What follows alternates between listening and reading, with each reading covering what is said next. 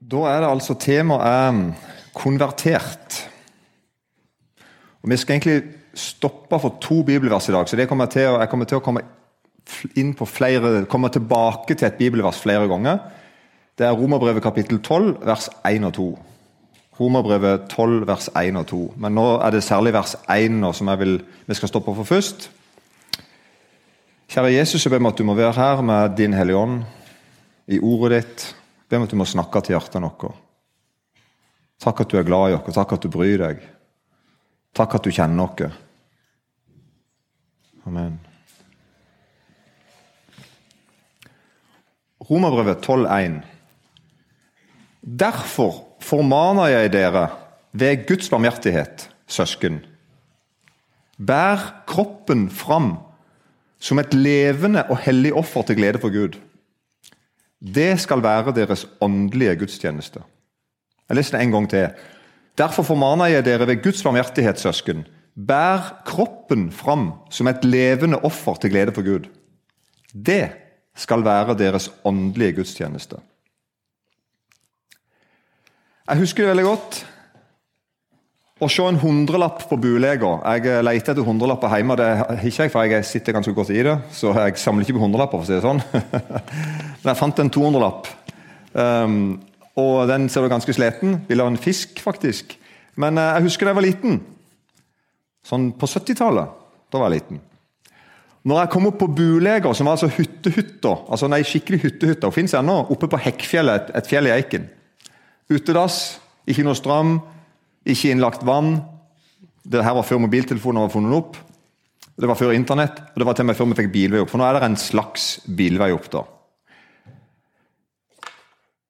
Og det å se en hundrelapp der oppe, i en helt annen verden enn i bygda Før veien kom, da jeg var liten, da jeg var sånn fem, seks, sju år, og måtte gå opp, så kunne det ta alltid fra halvannen til tre timer å gå opp. Du stiger 500 høydemeter omtrent, og så inn på heiet. Og når vi da kom opp på hytta, så hadde vi som tida stått stille der. Det hadde for så vidt lufta òg. Og hvis ikke, så sto det i hytteboka hvem som hadde vært der. For det var, vi hadde ikke låst.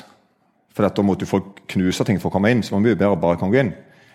Så hadde noen overnatta der, så hadde de skrevet i hytteboka. På tysk eller svensk eller norsk. Men som sagt, av og til så så jeg penger på hytta. Og da mener jeg altså sånn fysiske penger. Du kan huske det? Og til meg noen gang så jeg en hundrelapp. Sikkert byfolk jeg skrevet, som hadde lagt ifra seg en hundrelapp på heiet. Og når jeg var liten, var det veldig merkelig. Og faktisk så gikk det ganske mange år før jeg klarte å sette ord på hva, hva, jeg egentlig reagerte på. Jeg vet ikke om du følger meg i hele tatt. Det gjør ingenting. Jeg blir bare glad hvis ikke du følger meg til nå. For det at Pengeseddelen han kunne være så fin han bare vil. Han kunne være så ukrøll han bare vil. Han kunne ligge der sånn helt fint bretta på peishylla. Men han hadde ingen funksjon der. Han var, han var sånn, sånn, helt sånn Er du ikke med på hva jeg mener? Det var sånn rart å se det. Og Det var ikke før jeg ble voksen at jeg forsto hvor, hvor, rart det der egentlig var. Da jeg var liten, jeg var sånn fascinert av det. Hundrelappen var ikke i sitt rette element. Verdien var fastsatt. Ingen betvilte verdien på hundrelappen, men her på Hekkfjellet hadde den ingen funksjon. Vi kunne ha risikert å bruke den til du vet hva på utedoen. Hvis den hadde vært bad need for papir. Så det må ha vært rart å være en hundrelapp på Hekkfjellet på 70-tallet. Nede i bygda kunne jeg få nå kommer det sånn uh, fun fact for de som røyker. for de som kunne ønske at de røykte. Um, du kunne få to 50 grams rulletopper med papir og en 20-pakning for en hundrelapp. Det er ikke tull engang. Nå får du ikke en, kanskje en 20-pakning. Eller du kunne få 66 liter bensin. Ok? Men ikke på Hekkfjellet. Sant? Rart å være en hundrelapp på peishylla i 1979 på hytta. Så mye verd, men allikevel på en måte så oversett her. Så ettertrakta et par timer lenger nede, men ikke her. Akkurat like mye verd som en hundrelapp i byen, men allikevel så alene her. En ting til. Hvorfor er en hundrelapp verdt 100 kroner? Det er ikke pga. at materialet er så dyrt, selv om det er laget av et ganske spesielt material. Det er heller ikke pga. tegningene at de er så så bra, selv om noen av tegningene er ganske fine. Det er faktisk en autoritet som har bestemt hva den pengen er verd. Det er bare en bestemmelse. Noen har laget den og fastsatt en verdi. Og verdien står trygt på. 100 kroner, f.eks. 200 kroner. Det er det, det er den er verdt. Og selv om hundrelappen er kliss lik andre hundrelapper, er den samtidig helt unik. Den har sitt eget serienummer. Og så er det en del pengesedler som kunne ha fortalt sikkert mange kule fortellinger om hvor mange folk de hadde vært borti. Og Det er derfor vi skal vaske hendene når vi er tatt på penger. For mange penger har vært borti veldig mye folk. Det er ikke alle som er kule engang. Så mange, mange altså, Pengeseddelen har sin egen fortelling, men han er også sitt eget serienummer. Derfor kan vi si en kopiert hundrelapp er en falsk hundrelapp. Er du ikke enig i det? Det fins bare én hundrelapp av hver, selv om de er like. Aldri så mye. Nok om hundrelappen, eiken og barndommen min. Vi skal ikke kjøre bildet mitt lenger enn dette, men poenget mitt er én ting. først og fremst. Du er skapt av Gud.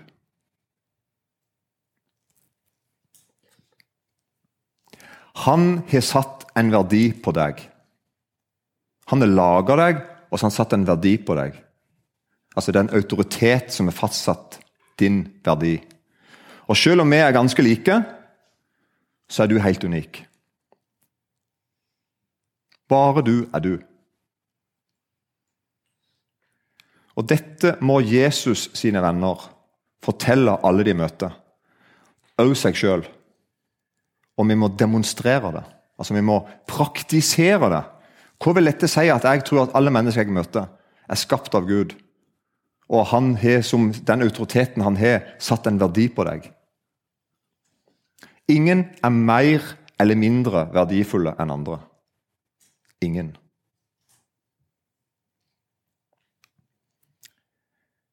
Og så er det at Gud skapte meg, og vi går ofte bort fra ham. Så jeg er verdifull, men, men, den, men den, verdien på en måte jeg har, ikke sant, som fått av Gud, den verdien Gud har satt på meg, i det øyeblikket jeg går vekk fra Gud, så på en måte har den verdien mista funksjonen sin. Er du ikke med på den? Jeg blir som en hundrelapp på hytta. Jeg blir som en hundrelapp på hytta når jeg er borte fra Gud. Like mye verd, men revet løs for det som egentlig var mitt miljø. Og Dette ser vi daglig. Daglig så ser vi folk i alle aldre som leter etter bekreftelse. Mange er i panikk for å bli sett, for å bli hørt eller respektert eller anerkjent.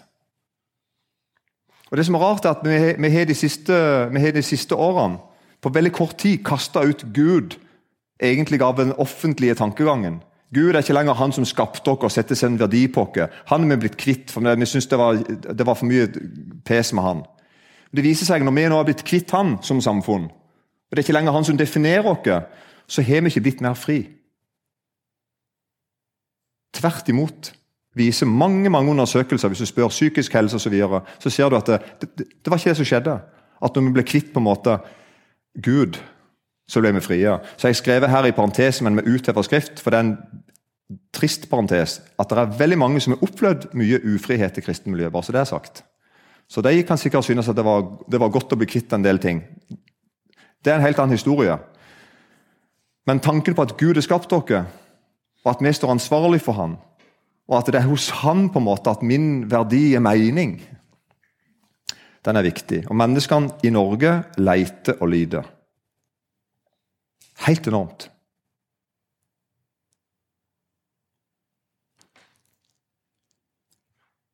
Mange av de som leter etter sin verdi, eller sin dype mening eller sin identitet, de finner forskjellige svar. Og Grunnen til de finner svar, er at det er veldig mange som svarer hvis du, går, hvis du spør, og som sier at de vet. Og vi hører på mange av dem og prøver å forstå. Så spørsmålet mitt her er, til dere nå i kveld er hvem vil du at skal gi deg svarene med stor S? Hvem vil du skal få lov til å snakke inn i livet ditt hvem du egentlig er? Hva du egentlig er verd? Hva som er meninga med det hele? Hvem ønsker du skal snakke inn i livet ditt? Sånn helt seriøst.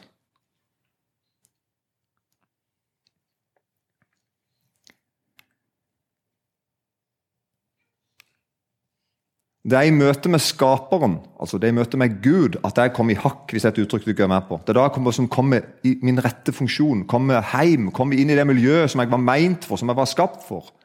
Han kjenner meg jo og vet hvordan jeg er. Og Gud han anerkjenner meg som menneske, og han hold, ved å holde meg ansvarlig som menneske. Så jeg skrev i parentes i den grad du kan holdes ansvarlig. For det er ikke alle folk som kan holdes ansvarlig, og det vet også Gud. Derfor er det bibelvers på det i, kan vi lese på hva Gud tenker om folk som ikke er tilregnelige, folk som ikke kan gjøre rede for seg, så sier Jesus rett ut at ikke engang en dåre skal fare vill. Altså, ingen skal høre på dommens dag at 'sorry, 'sorry, du var for dum'. Så det er ikke sånn det funker. Men i den grad du kan holdes ansvarlig, så gjør Gud òg det. Og ved det så, deg, så, anerkjenner han deg som et menneske. Altså, du er ikke et dyr som lever etter instinkter uten å dvele og tenke og, gjøre, og liksom gjøre, gjøre det opp mening om ting. Nei, Gud snakker til meg og deg som til et herlig enkeltindivid som han har skapt. Gud kjenner deg. Han elsker deg. Han vet hvem du er. Han har planer for deg. Han ser hva du kan, han ser hva du gjør, og hvilken rolle du spiller for de rundt deg. Og Derfor må vi si at den egentlige verdien på oss måles ikke kun i det rent fysiske. Hvis du ikke legger meg ut eh, på finn.no i deler Du kan selge f.eks. en fot, en arm, eller eh, ei lunge, eller to-tre liter blod, så hadde du kunnet fått en del for meg. Håper det. Håper det. Men eh, ikke sant? Det, er ikke, det er ikke der vi finner verdien. Du er ikke enig i det? Selv om kroppsdeler er ganske dyre. Hvis du reiser til jeg skal ikke si noe det er en del land du kan reise til og selge kroppsdeler, men eh, det er ikke, det er ikke anbefaler. Men altså, poenget mitt er at det er, ikke, det er ikke det som er verdien på mennesket. ikke sant? Det er heller ikke å snakke med folk som er greie på ting som er inni oss. Psykologer eller andre som har innsikt i, i alt fra intelligens og så videre, til hvor lur er du, hvor smart er du, hvor bra er du, hvor flink er du sosialt osv. Det, er det er ikke der vi finner verdien på et menneske. er det vel? Og det er heller ikke bestevennene våre som skal sette verdien på oss. Og Vi kan av og til tenke at det er dumt fordi vi liker bestevennene våre, men det er noen bestevenner som ikke er det ti år etterpå. Og da er vi plutselig glad for det. Godt at det ikke var noen folk som satte verdien på deg. Er du ikke enig i det? Eller fans, hvis for de som er det. For de òg vender seg imot deg to-tre år etterpå. Og Det merkelige er at dypere sett så vet alle jeg har møtt i hele verden, vet dette. Dypere sett, alle vet dette. Alle sier at 'jeg vet det', egentlig. At det er ikke der jeg finner min verdi. Mennesket har en verdi uavhengig av mange sånne ytre kjennetegn. Egentlig er alle enige i det. Det er litt rart. det. Altså, Samme hvordan du ser ut og ikke ser ut, og hvor mange kroppsdeler du har, om du mangler noen eller ikke, og hvor flink du er, eller hvor, hvor, hvor, flink du er sosialt, eller om du, hvor ettertraktet du er på jobben din, eller om du har jobb, eller om du har helse, eller om du har økonomi, eller osv. Alle er klar over at det, er ikke der vi måler verdien på et menneske. Er dere ikke enig i det? Jeg håper iallfall ikke er enig i det. Litt sånn farlig stilt her nå, Nei, men det, du er ikke enig i dette. jeg er sikker på det. Og Dypest sett så vet vi dette, at bestemor, læreren min, naboen min og de i Asia, eller Afrika for den saks del, er alle like mye verd. Er du ikke enig i det? Like mye som meg sjøl. Hør da her, Romerbrevet 12,1. Derfor formaner jeg dere ved Guds barmhjertighetssøsken, bær kroppen fram som et levende og hellig offer for Gud. Det skal være deres åndelige gudstjeneste. Så konkret er Guds ord. At du skal forstå deg sjøl som et levende og hellig offer til glede for Gud. Klarer du det?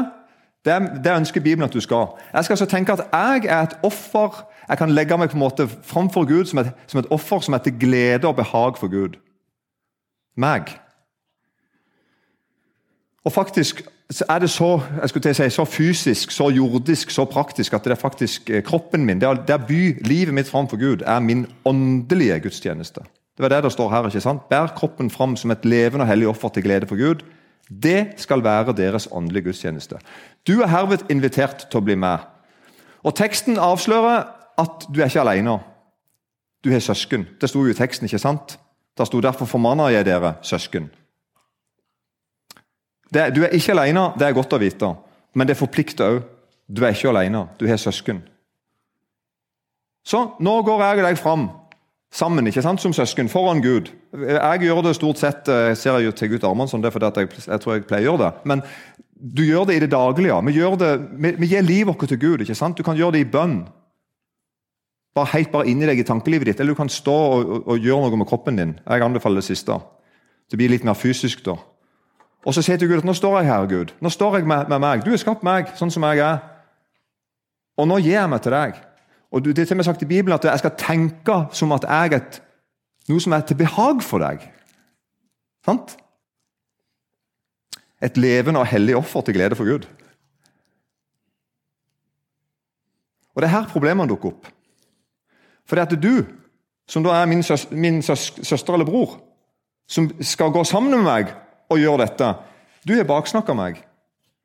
Du tok ifra meg mitt gode navn og rykte, og nå står du her og sier at du er et levende og hellig offer til glede for Gud. Det syns ikke jeg at du er. Er, du med på, er dere med på bildet mitt? Så her begynner jo problemene å tårne seg opp når søsken skal gå sammen til Gud og gi seg hen til Han. Følger du meg nå, altså? Hva skal vi nå gjøre? Har Gud feil? Kanskje ikke du er medregna? Kanskje det er alle vi andre som er til glede for Gud, men ikke du? Og så kan du klare deg sjøl? Men det er egentlig enda verre, eller kanskje du syns dette er bedre for deg, da. Jeg er heller ikke bare en glede for Gud, sånn som jeg ser det.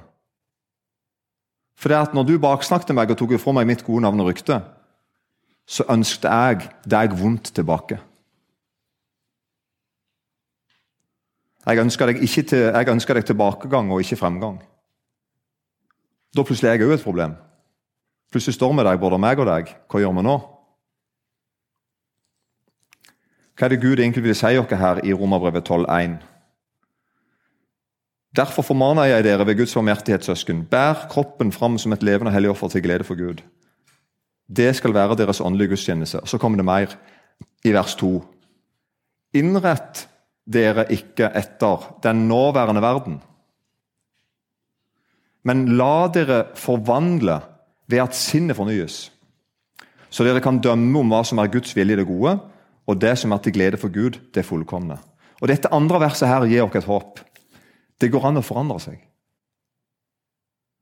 Eller som Bibelen her sier, det går an å la seg forvandle, eller konvertere, om du vil. Det går an å bli rett og slett forandra innenifra.